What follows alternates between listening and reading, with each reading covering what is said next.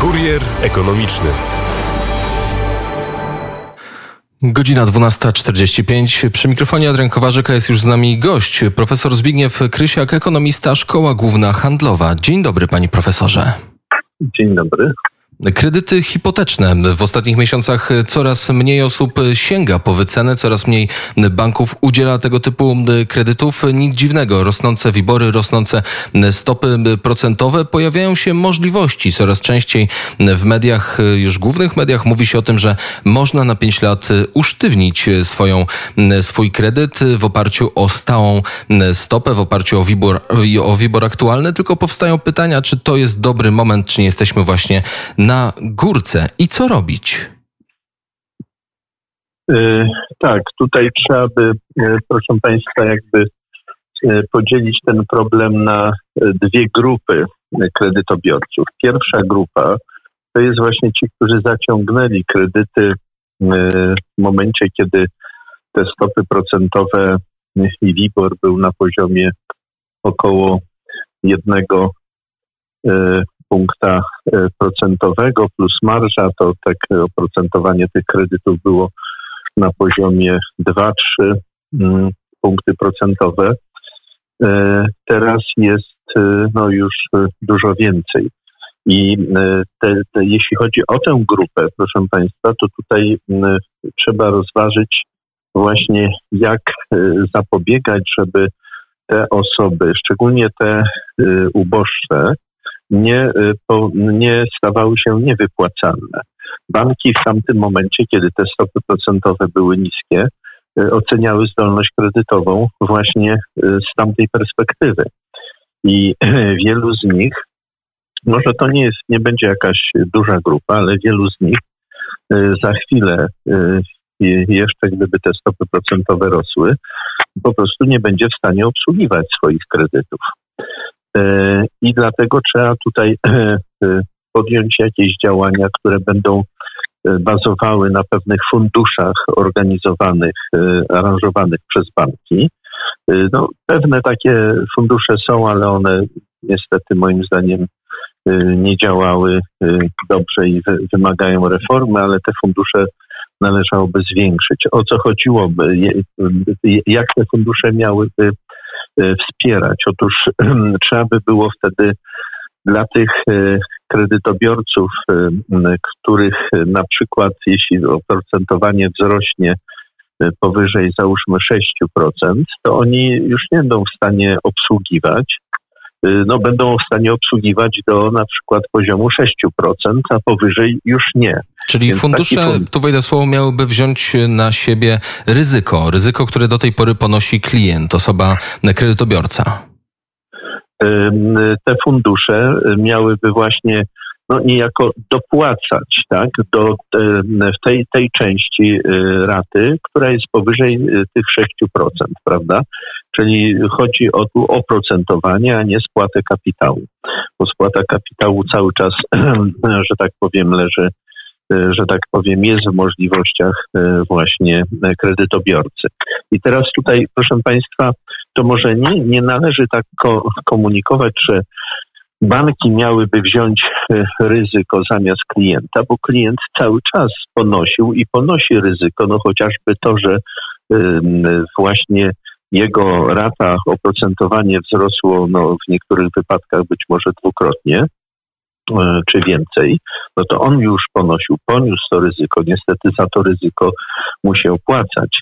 Ale teraz dalsze, dalszy wzrost stóp procentowych powodowałby, proszę Państwa, e, zwiększanie ryzyka również dla banku. Pamiętajmy, dla banku nie jest korzystne, żeby klient stawał się niewypłacany, dlatego że to po prostu wprowadza e, konieczność działań dotyczących no, e, egzekucji z nieruchomości, sprzedaży nieruchomości. Klient zostaje bez mieszkania, cała masa skutków poważnych, które w efekcie mogą prowadzić do tego, że klienci no, mogą, że tak powiem, bankrutować. Mamy w tej chwili, proszę Państwa, ustawę o tak zwanym bankructwie konsumenckim.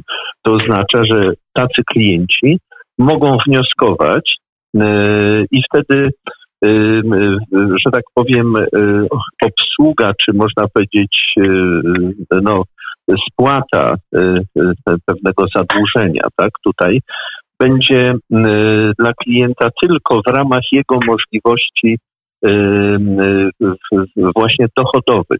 Czyli jeśli klient ma bardzo niskie dochody, to przy tak zwanym upadłości konsumenckiej sąd wylicza, ile klient potrzebuje mieć na życie, a resztę, co, co pozostaje, to ewentualnie może właśnie spłacać, spłacać. I w takich sytuacjach chcę zwrócić uwagę, że jest to problemem też dla banków, dlatego że w takiej sytuacji banki, jeśli nie zaspokoją się w jakimś stopniu z nieruchomości, prawda, y, to też będą musie, musiały umarzać część prawda, zadłużenia, a zatem ponoszą również koszty. Dlatego to ilustruje, przedstawiam, że nie jest to interesem dzisiaj banków, żeby y, banki powinny mieć interes w tym właśnie, żeby takie fundusze tworzyły, żeby te fundusze będą miały taki charakter jakiegoś y, wspólnego porozumienia między bankami. One będą takim funduszem ubezpieczeniowym,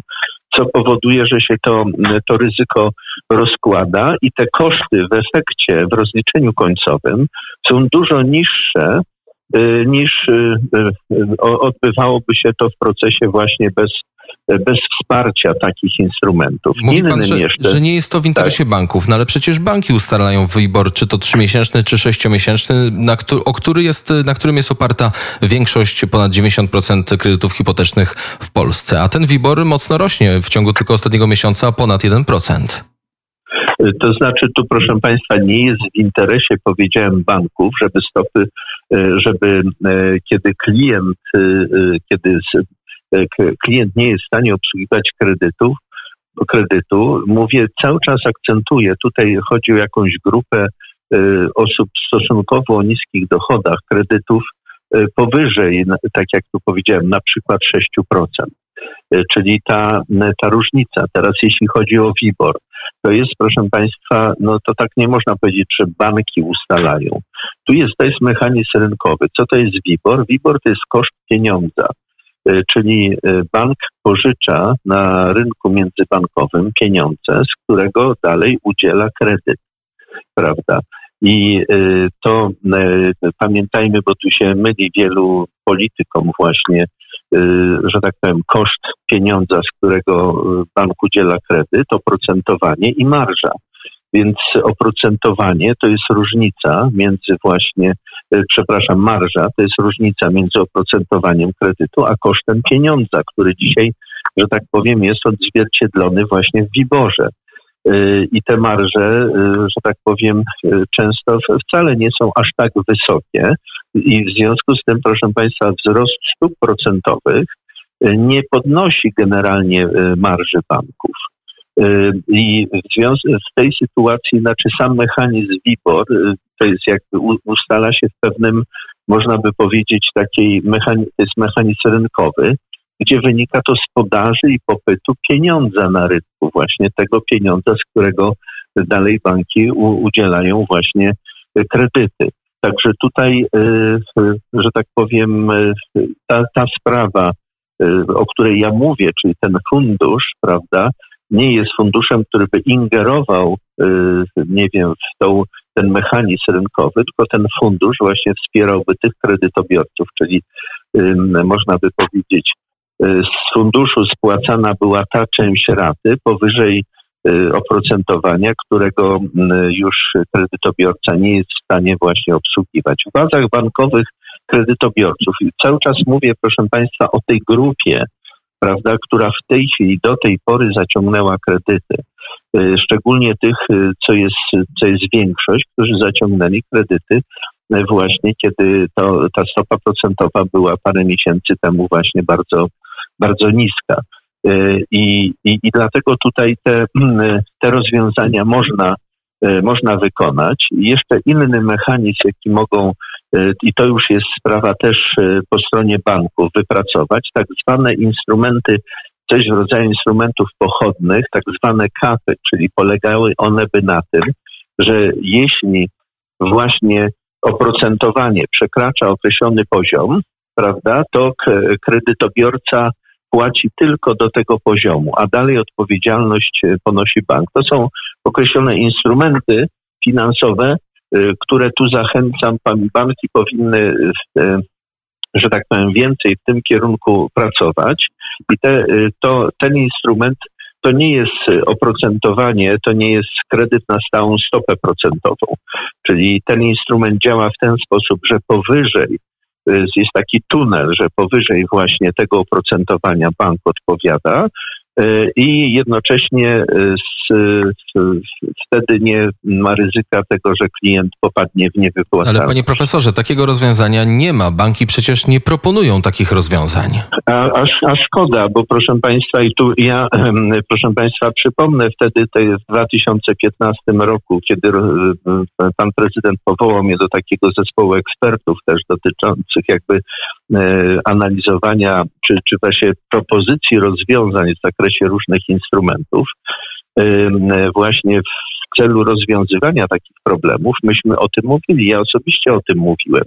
I banki właśnie wtedy też były zachęcane, żeby takie e, sprawy wykonywać. Są, znaczy jest możliwość. To nie jest tak, że nie ma takiej możliwości.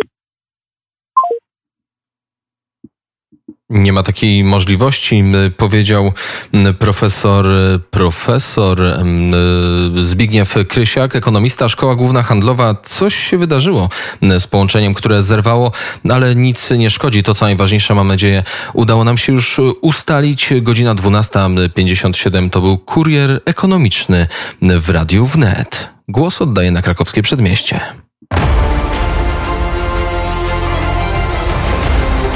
Kurier ekonomiczny.